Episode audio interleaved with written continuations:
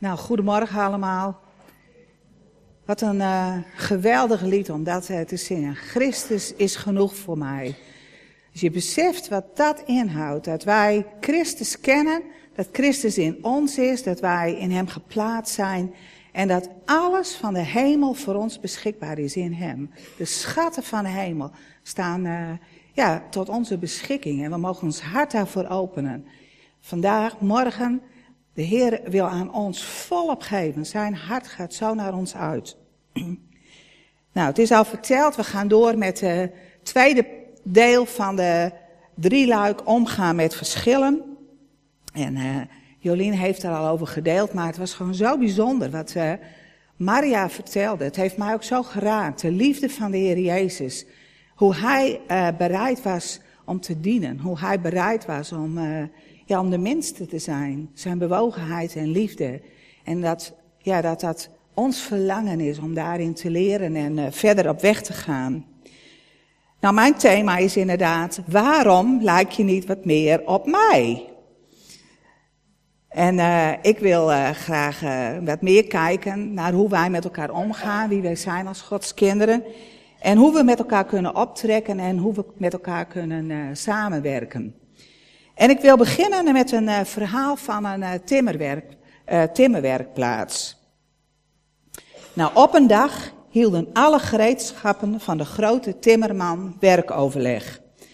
Voor deze gelegenheid was broeder Hamer tot voorzitter gekozen. Maar de vergadering had hem net duidelijk gemaakt dat hij maar beter kon opstappen, omdat hij, door alleen maar lawaai te maken, zijn autoriteit wilde laten gelden. Hij antwoordde, als ik deze timmerwinkel verlaat, moet broeder Handboor er ook uit. Hij is van zo weinig belang dat niemand hem zal missen. Daarop stond broeder Handboor op en zei, goed, maar moet broeder, broeder Schroevendraaier ook vertrekken. Hem moet je maar steeds ronddraaien, wil hij nog een prestatie leveren. En zonder schroeven vind je van zijn werk helemaal niets terug.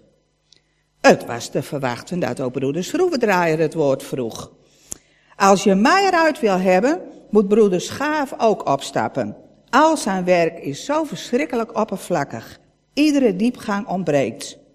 Waarop broeder Schaaf sprak, dan gaat broeder Duimstok er ook uit. Want hij neemt altijd iedereen de maat en is altijd van zijn eigen gelijk overtuigd. Broeder Duimstok deed toen zijn beklag over schuurpapier. Het woord broeder verdween uit de fellere betogen.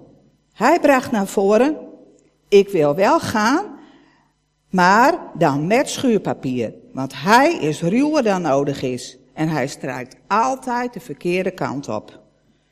Toen moest Sager aan geloven, omdat hij steeds weer scheiding veroorzaakte. Zo ging het nog een tijdje door. En op het heetst van deze discussie kwam de grote timmerman de werkplaats binnen om aan zijn dagtaak te beginnen. Zwijgend deed hij zijn schort voor en hij ging naar de werkbank om een preekstoel te maken. En daarbij gebruikte hij de hamer, handboor, schroevendraaier, schaaf en alle andere gereedschappen. En aan het einde van de dag toen de preekstoel klaar was en de grote timmerman zijn winkel weer verlaten had, stond broeder Nijptang op en zei, Broeders, ik heb ontdekt dat onze meester ons allemaal kan gebruiken. Al de beschuldigingen die de gereedschappen tegen elkaar inbrachten, sneden absoluut hout. En toch gebruikte de grote timmerman hen allemaal en waar hij de een voor nodig had, kon hij onmogelijk de ander voor inzetten. Het verhaal is niet alleen voor de broeders, maar ook voor de zusters Handboren en de Zaag. Voor, uh, die nemen ook allemaal hun plekje wel in, in, uh, in dit geheel. Maar dit gaat erover dat al die onderdelen uh, zo verschillend zijn. En wij zijn ook allemaal zo anders. We denken anders, we spreken anders, we hebben een andere belangstelling en we houden ook van hele andere muziek en andere kleren. En we zien er ook anders uit. En dat vind ik zo'n wonder. Als je, als je kijkt, kijk alleen eens naar het haar. Als ik hier rondkijk, allemaal andere uh, kleur haar. De stijl, de een heeft het uh, stijlhaar, de ander heeft krullen, de ander heeft slagen in het haar. Alleen het haar. En dan eens naar de ogen. Kijk eens naar elkaars ogen. De, de, de stand van je ogen, de kleur, de pupil, de wimpers, de wenkbrauwen. Zulke kleine details. We zijn zo verschillend van elkaar. Maar ook je handen en je vingers en zelfs je vingerafdrukken. Ik kan deze iPad, die kan ik zo openen met mijn, aandoen met mijn vinger. Maar als jullie dat willen doen, dan luistert hij niet. Want deze vinger, die is uniek. Er is niemand die zo'n vingerafdruk heeft als ik. En dat geldt voor jullie uh, allemaal. En zo zien we er verschillend uit. We zijn in ons lichaam, zijn we allemaal zijn we anders. En nu zijn wij hier nog uh, Westelingen. Als je naar het zuiden of naar het uh, oosten van de wereld gaat, dan zien mensen er weer anders uit. Zoveel verschillen. Maar we hebben ook allemaal een andere opvoeding gehad. Een hele andere cultuur. En dingen die we meegekregen hebben, dingen die we belangrijk vinden. Ik herinner me nog zo goed dat ik als uh, jong meisje met een vriendinnetje mee naar huis ging, uit school. En dan kregen we een beker melk, die stond klaar in de keuken. En ik vond dat zo raar. Wij waren gewend dat je thuis kwam, dan staat mijn moeder met de thee klaar en gingen we gezellig met elkaar thee drinken. Ik dacht dat dat zo hoorde, dat dat bij iedereen zo was. Maar ja, als je wat uh, buiten je eigen huis komt, dan ontdek je andere dingen. En ik had helemaal een schok toen ik bij Jeugd met een opdracht ging werken. Ik kwam in België, we waren met uh, mensen uit uh, veel verschillende landen. En ik dacht, zijn dit nu christenen?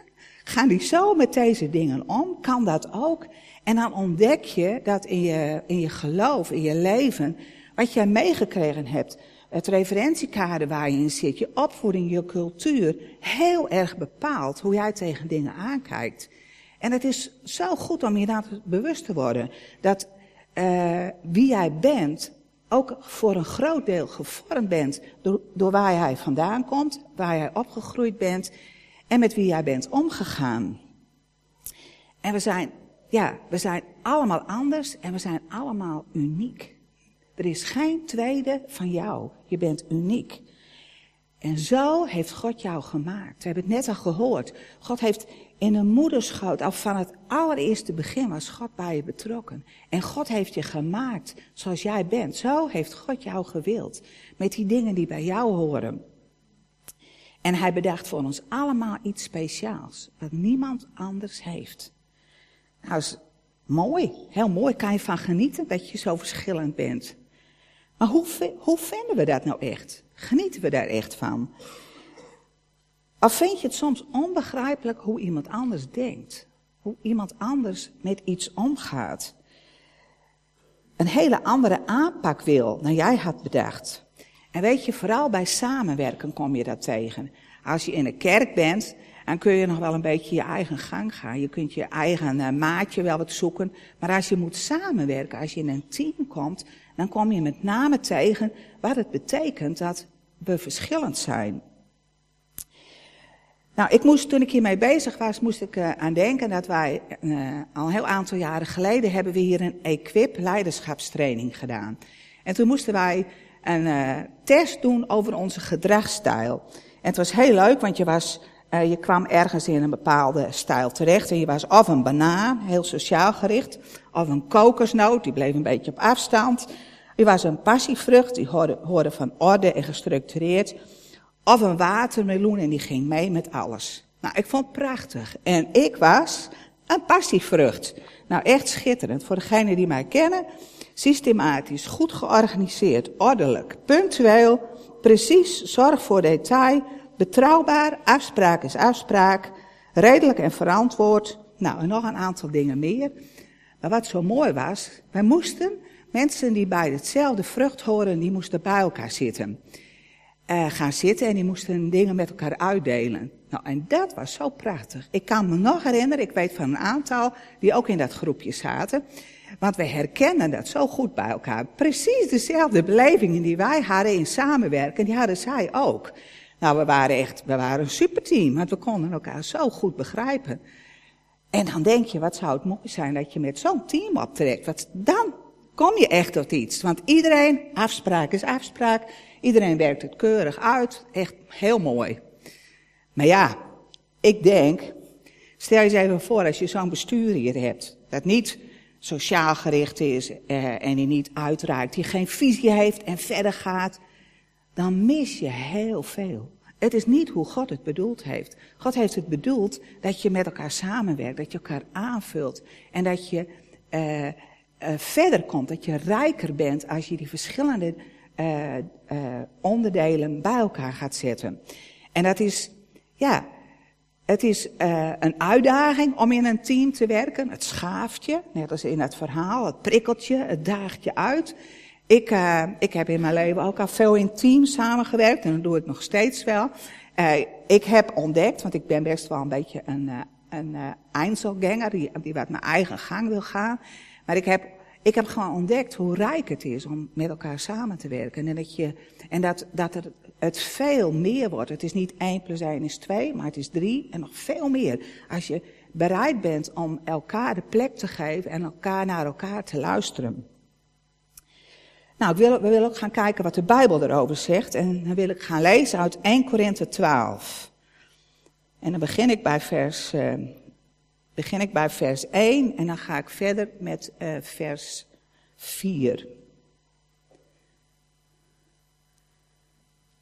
Broeders en zusters, over de gaven van een geest wil ik, het, wil ik u het volgende zeggen. Er zijn verschillende gaven, maar er is één geest. Er zijn verschillende dienende taken, maar er is één Heer. Er zijn verschillende uitingen van bijzondere kracht, maar het is één God die ze allemaal en bij iedereen teweeg brengt. En in iedereen is de geest zichtbaar aan het werk, ten bate van de gemeente. En dan ga ik verder bij vers 8. Aan de een wordt door de geest het verkondigen van wijsheid geschonken. Aan de ander door diezelfde geest het overdragen van kennis. De een ontvangt van de geest een groot geloof, de ander de gave om te genezen. En weer anderen de kracht om wonderen te verrichten, om te profiteren, om te onderscheiden wat wel en niet van de geest afkomstig is, om in klanktaal te spreken of om uit te leggen wat daar de betekenis van is. Al deze gaven worden geschonken door één en dezelfde geest, die ze aan ieder afzonderlijk toebedeelt zoals hij wil. Een lichaam is een eenheid die uit vele delen bestaat. Ondanks hun veelheid vormen al die delen samen één lichaam. Zo is het ook met het lichaam van Christus. Wij zijn allen gedoopt in één geest en zijn daardoor één lichaam geworden. Wij zijn allen van één geest doordrenkt. Of we nu Joden of Grieken zijn, of we nu slaven of vrije mensen zijn. Immers, een lichaam bestaat niet uit één deel, maar uit vele. Als de voet zou zeggen, ik ben geen hand, dus ik hoor niet bij het lichaam, hoort hij er dan werkelijk niet bij? En als het oor zou zeggen, ik ben geen oog, dus ik hoor niet bij het lichaam, hoort het er dan werkelijk niet bij? Als het hele lichaam oog zou zijn, waarmee zou het dan kunnen horen? Als het hele lichaam oor zou zijn, waarmee zou het dan kunnen ruiken? God heeft nu eenmaal alle lichaamsdelen hun eigen plaats gegeven, precies zoals Hij dat wilde. Als ze met elkaar slechts één lichaamsdeel zouden vormen, zou dat dan een lichaam zijn? En dan ga ik verder met vers 28. God heeft in de gemeente aan allerlei mensen een plaats gegeven. Ten eerste aan apostelen, ten tweede aan profeten en ten derde aan leraren. Dan is er het vermogen om wonderen te verrichten, de gave om te genezen en het vermogen om bijstand te verlenen, leiding te geven of in klanktaal te spreken. Is iedereen soms een apostel of een profeet? Is iedereen een leraar? Kan iedereen wonderen verrichten? Of kan iedereen genezen?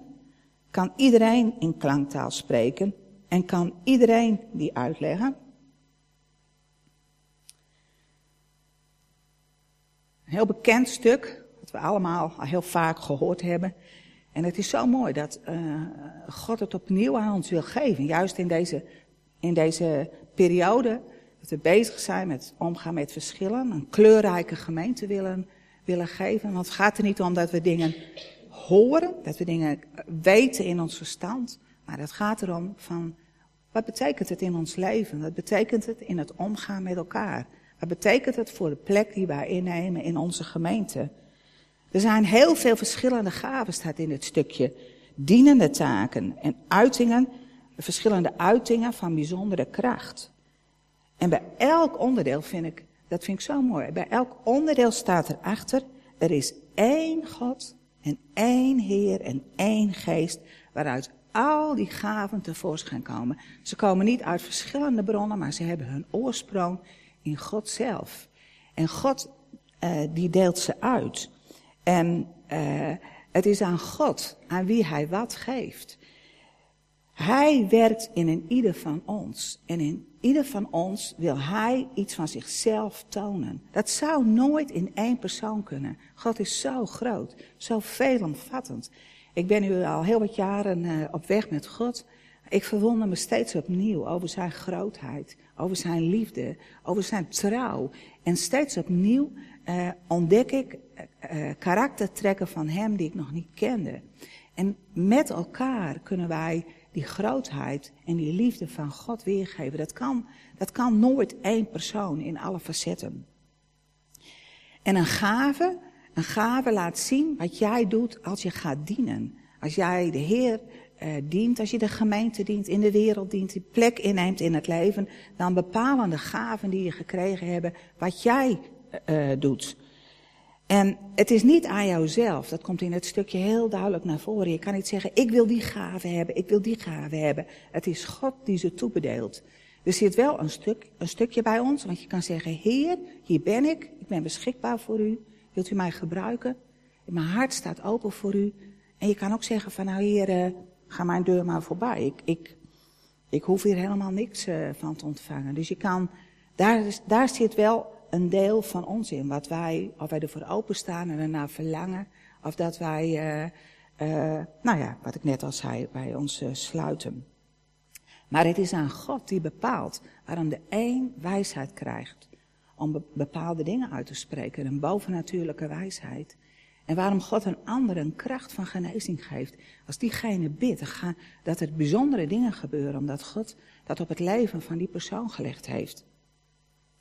God geeft zoals Hij het wil. Maar de Heilige Geest is aan een, in, ieder van, in elke gelovige is de Heilige Geest aan het werk. Met het doel om de gemeente te bouwen. Om het koninkrijk van God te bouwen. Het is niet alleen beperkt tot onze gemeente, ook al zijn wij nu bij elkaar in dit verband. Maar het gaat erom dat wij de gemeente van Christus bouwen hier op aarde. En ik vind het zo mooi in deze tekst. In iedereen is de geest zichtbaar aan het werk, ten bate van de gemeente.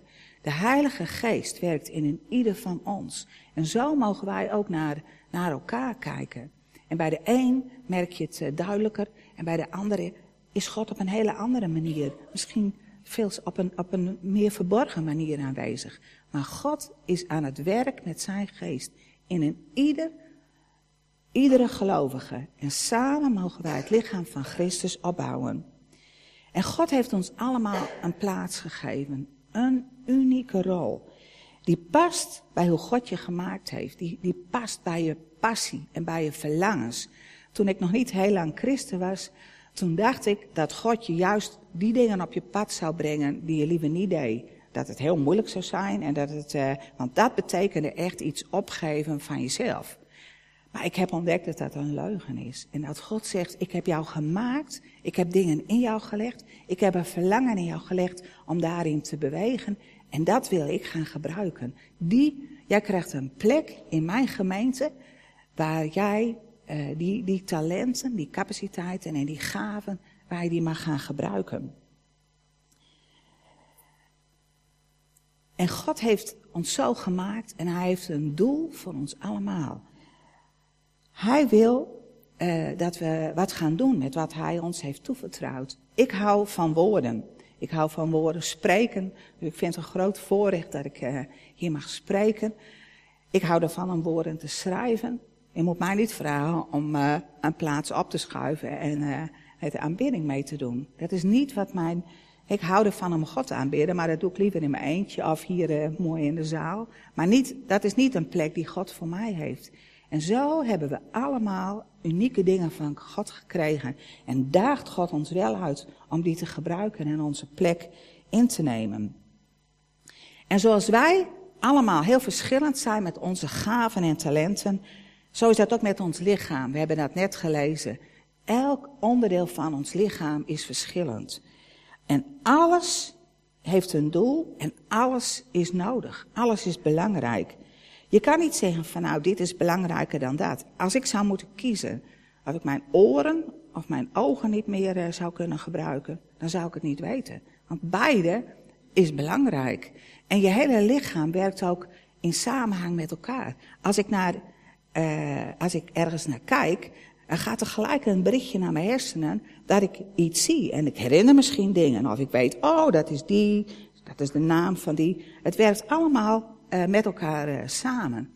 En wat zo mooi is aan het lichaam, het zijn niet een paar losse, hè, hier ligt niet uh, nieren, een hart ernaast en van alles op een rijtje. Maar God heeft er een mooie structuur aan gedaan, een geraamte. en God heeft ons een huid gegeven, zodat al die dingen wat verstopt zitten. En zodat we ook dezelfde kant op gaan. Zodat je niet de voet daar blijft staan en de arm daar al is. Je trekt met elkaar op. Zo heeft God ons gemaakt. Is dat niet prachtig? We lachen er een beetje om, maar ik bedoel, er staat niet voor niks in de Bijbel dat dat ook is hoe God wil dat wij als gemeente met elkaar optrekken. God heeft ons ook een geraamte gegeven. En God heeft ons ook, daar ga ik het straks verder over hebben, een verbinding gegeven hoe wij samen op kunnen trekken. Want wij hebben, dat staat ook in dat gedeelte wat wij gelezen hebben, we hebben één Heer, we hebben één geest. En weet je wat ook zo mooi is van samen? Uh, als je, uh, nou, één persoon alles zou doen, dan zou je heel erg een focus kunnen krijgen op één onderdeel. Maar door uh, met elkaar in balans te zijn, biedt de ene dit en de andere brengt dat in. En samen vul je, vul je elkaar aan. En God heeft het zo gemaakt dat wij als onderdelen, als christenen, elkaar nodig hebben. En dit is echt heel belangrijk dat God het zo bedoeld heeft. In de Bijbel vind je keer op keer hoe belangrijk het is om met elkaar op te trekken, om met elkaar om te gaan. En dit gaat zo in tegen de cultuur waarin wij leven. Want in de cultuur gaat het om wat ik wil, wat ik belangrijk vind, en ik ga mijn weg. Vind je dat niet goed? Nou, best even goede vrienden, dan blijf jij daar. En ik ga die kant om. En, en ook in het, het christen, christendom is hiermee beïnvloed. Dat mensen hoppen van de ene kerk naar de andere kerk. Van de, he, van, nou, daar voelen ze zich wel prettig. Nou, nee, nu gebeurt het toch niet helemaal zoals ik het wil. Nou, dan ga ik weer naar een volgende. Terwijl God zegt, ik heb jullie gemaakt verschillend en ik wil jullie juist leren om elkaar aan te vullen. Om samen een geheel te, geheel te worden. En dat is de uitdaging waar wij allemaal voor staan. Om samen dat geheel te worden. En uh, we hebben net al, Nico heeft gelezen het stukje uit Efeziërs. En daar staat, als je in Christus, als de identiteit van Christus in jou is. Als je beseft wie de, wie de Heer Jezus is. En zijn liefde die in jou is. Dan kun je samen als kinderen van God de grootte en de breedte en de diepte van de liefde van God leren kennen. Dat kun je niet in je eentje. Wat is het geweldig als een ander deelt over hoe hij geraakt is door de liefde van de Heer. En wat hij daarin meemaakt. Je hebt elkaar nodig om samen op te trekken. En ik denk ook dat er voor ons ook, eh, voor onze gemeente, een, we hebben niet voor niks de naam Open Thuisgemeente. Er zijn zoveel christenen die niet meer naar een kerk gaan, die zo teleurgesteld zijn in wat ze meegemaakt hebben. Laten wij uh, een, een hart vol liefde hebben om uit te reiken naar elkaar. Waar mensen welkom zijn. Waar ieder een unieke plek heeft. Het is Gods hart dat we samen optrekken en dat we, ja, dat we leren van elkaar, dat we elkaar aanvullen. Het is net als dat gereedschapstuk in het verhaal wat ik net gelezen heb. En een ander mooi voorbeeld is het, een instrument in een orkest. Elk instrument, dat is ook echt prachtig. die heeft een andere partij. En de een die, die heeft een melodie en de andere die komt er met het ritme door. Nou, samen vormen ze een prachtig geheel. Als ze één harmonie spelen, één toon, geleid door onze maker, door onze God. Maar hoe ga je nu met elkaar om? Weet je, toen wij klein waren, voor mij lang geleden, maar toen ik klein was, toen was ik afhankelijk van mijn ouders. Ik, ik wist nog niet dat ik uniek was. Maar op een gegeven moment ga je dat ontdekken. Dan zeg je, een kleine peuter begint er al mee. Ik, hè? Nee, mama, nee, papa, dat doe ik niet. Maar als je wat ouder bent en je bent in de, in de tienerleeftijd, puberteit, dan gaat het helemaal zo. Ik wil, uh, ik doe mijn eigen wil. Ik ben onafhankelijk. Ik bepaal zelf wat ik wil. Welke opleiding ik doe, waar ik heen ga, welke vrienden. Oh, die waren van mijn ouders. Nou, dat, uh, dat was van toen. Ik bepaalde het zelf wel. En in onze cultuur is onafhankelijkheid, wordt heel vaak gekoppeld aan volwassenheid. Hoe meer, hoe grotere onafhankelijkheid jij hebt, hoe volwassener je bent. Maar in Gods koninkrijk gelden andere principes. En God wil dat wij uh, relaties met elkaar hebben waarin we onderling afhankelijk van elkaar zijn. Dat het niet gaat over onze onafhankelijkheid en dat we het zelf wel redden. Misschien is dat zo. Maar dat we bereid zijn om onderling afhankelijk van elkaar te zijn. Van elkaar te leren. Elkaar de ruimte te geven. Respect te hebben voor elkaar. Ook een stukje verantwoording te geven aan elkaar. Onderling afhankelijk van elkaar. Dat zijn principes van Gods koninkrijk. En dan gaat het erom dat je bereid bent de ander ruimte te geven. Dan gaat het erom dat je bereid bent om de ander te dienen. Om de minste te zijn. En om, om het aan God over te laten, om dat verder uit te werken. Om samen als een lichaam op te trekken. Wij zijn één lichaam, verbonden met elkaar. En wij mogen als het ene lichaam optrekken. En als we dat gaan doen, dan komt steeds meer Gods plan met onze gemeente, met, met ons als kinderen van God, zal steeds ja, meer uh, uh, groeien, zal steeds meer tot zijn doel komen als we als één lichaam optrekken. En weet je, die verscheidenheid, die uniekheid die we allemaal hebben, dat betekent niet dat het verdeeldheid oproept. Het gaat erom je plek in te nemen. En eenheid wordt niet bereikt doordat we allemaal hetzelfde zijn, maar eenheid ontstaat als we samen aan hetzelfde doel werken. En ons doel mag zijn God te eren, Hem te aanbidden. En niet alleen hier, maar in je hele leven God te volgen en Hem te eren. En ons tweede doel mag zijn de ander op te bouwen. Dat je bereid bent om aan de ander te geven. En weet je, misschien heb je het zelf ook meegemaakt. Als je in een, in een, een team werkt, hoe meer je, hoe duidelijker je weet dat je voor een bepaald doel werkt, je, dan, dan vallen die verschillen wat weg. Want je gaat er gewoon voor. Je gaat ervoor om, dat, uh, om je in te zetten voor het doel en je neemt elkaar mee. En als wij het, we kunnen het heel druk hebben met elkaar en wat iedereen denkt. Maar als we weten van, eer ik God hiermee? En dat is een vraag die je zelf mag stellen. Wordt God hier blij van? Met wat ik doe, wat ik denk, wat ik spreek? Wordt God hier blij van? En bouw ik hiermee de ander op? Als dat uh, vragen zijn waar wij mee omgaan, ja, dan kunnen we uh, openstaan voor, voor, voor elkaar en ook voor het doel wat God voor ons heeft. We zijn allemaal anders, maar we zijn samen geroepen om God te dienen. En om even terug te komen, waarom lijk jij niet wat meer op mij? Nou, dat kan ik heel kort beantwoorden. Omdat God ons allemaal verschillend gemaakt heeft omdat Hij ons verschillend ge, gewild heeft. Omdat Hij wil dat wij elk een unieke plaats krijgen in zijn lichaam. En dat we elkaar aanvullen. Het is, als ik ook denk aan de natuur, wat een verscheidenheid heeft God daar gemaakt. Zo heeft God dat ook in ons gelegd. Dus wees blij dat we niet allemaal op elkaar lijken. En dan komen we toch bij wat Nico zei. Bedankt dat jij anders bent. Want dat is hoe God het bedoeld heeft. En ik wil nog een stukje uh, lezen ook over wat ons geraamte, wat ons met elkaar verbindt. En dan wil ik een gedeelte lezen uit Colossensen 3. Colossensen 3 vanaf uh, vers 12. Omdat God u heeft uitgekozen, omdat u zijn heiligen bent en hij u lief heeft, moet u zich kleden in innig medeleven, in goedheid, bescheidenheid, zachtmoedigheid en geduld. Verdraag elkaar en vergeef elkaar als iemand een ander iets te verwijten heeft. Zoals de Heer u vergeven heeft, moet u elkaar vergeven. En bovenal kleedt u in de liefde. Dat is de band die, tot, die u tot een volmaakte eenheid maakt. Laat in uw hart de vrede van Christus heersen. Want daartoe bent u geroepen als de leden van één lichaam. Wees ook dankbaar.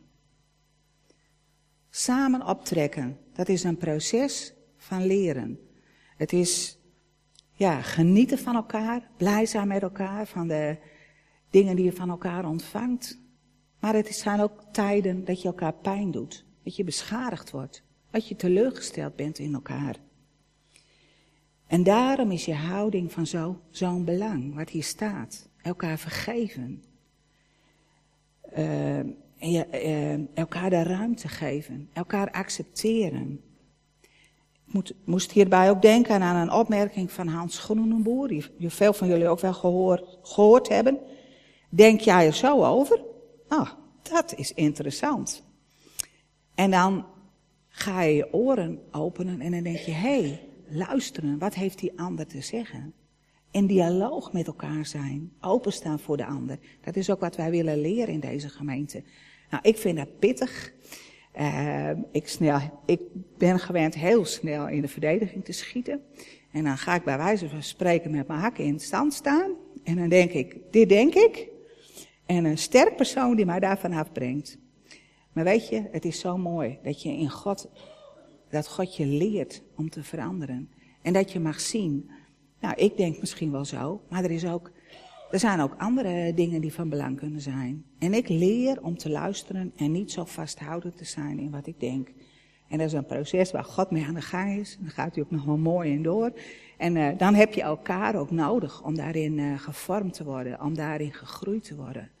Maar die, wat hier staat, die band van liefde, die band van liefde, wat de vrede van de Heer Jezus, dat die band van liefde, dat die ons met elkaar verbindt. En dat is niet iets wat je van jezelf krijgt, maar het is de liefde van de Heer Jezus die in jou is. En hoe meer die liefde in jou is, hoe meer de bewogenheid en barmhartigheid in jouw hart komt, des te meer kan je die liefde ook uh, uitdragen. Als we daarmee vol zijn, ons daarmee kleden, dan brengt het ons, dan gaan we groeien in eenheid. Gods vrede in ons hart, daarvoor zijn wij geroepen. En tot besluit wil ik nog het begin van 1 Corinthians 13 lezen. Het is zo bijzonder dat juist na dat gedeelte wat Paulus geschreven heeft in 1 Corinthië 12 over al die verschillende gaven, dat hij het gedeelte over de liefde uh, schrijft. En ik wil daar het begin van lezen. Als sprak ik de talen van alle mensen en die van de engelen, had ik de liefde niet, ik zou niet meer zijn dan een dreunende gong of een schelle cymbaal. Al had ik de gave om te profiteren en doorgronde ik alle geheimen, al bezat ik alle kennis en had ik het geloof dat bergen kan verplaatsen, had ik de liefde niet, ik zou niets zijn. Al verkocht ik mijn bezittingen, omdat ik voedsel aan de armen wilde geven. Al gaf ik mijn lichaam prijs en kon ik daar trots op zijn. Had ik de liefde niet, het zou mij niet baten. Heel krachtig stuk. Als liefde niet jouw drijfveer is, als liefde niet dat is wat jou motiveert in wat je doet. Als ik hier sta te spreken en ik heb geen liefde voor God, en geen bewogenheid voor jullie, dan kan ik beter mijn mond houden. En dat geldt voor alles wat je doet. De liefde van de Heer Jezus moet er doorheen spreken, want dan gaat de kracht vanuit. En dan kan je beter uh, hier, hier iemand hebben staan met liefde, die wat eenvoudige woorden zegt, die je raken, dan een prachtig verhaal waar niet de liefde van de Heer Jezus in is. En ons geraamte en de eenheid uh, die God van ons maakt, die komt door de liefde. Als de liefde van Christus heerst, dan gaat de eenheid, de eenheid groeien. En, en het staat er ook zo mooi in het vorige gedeelte, dan is het de band van de liefde houdt je bij elkaar. Het is als het ware de huid die je met elkaar om elkaar heen houdt. En dan heb je, heb je liefde, dan heb je begrip voor elkaar, dan heb je ruimte voor elkaar. Dan, dan wil God je helpen om je misschien je mond te houden en voor iemand te bidden. Om voor iemand te, op je knieën te gaan. Voor iemand op de bres te staan. Liefde. God daagt ons uit om zo diep die liefde van Hem te proeven. En die liefde door te geven aan ieder die zo anders is dan jou. Zullen we bidden?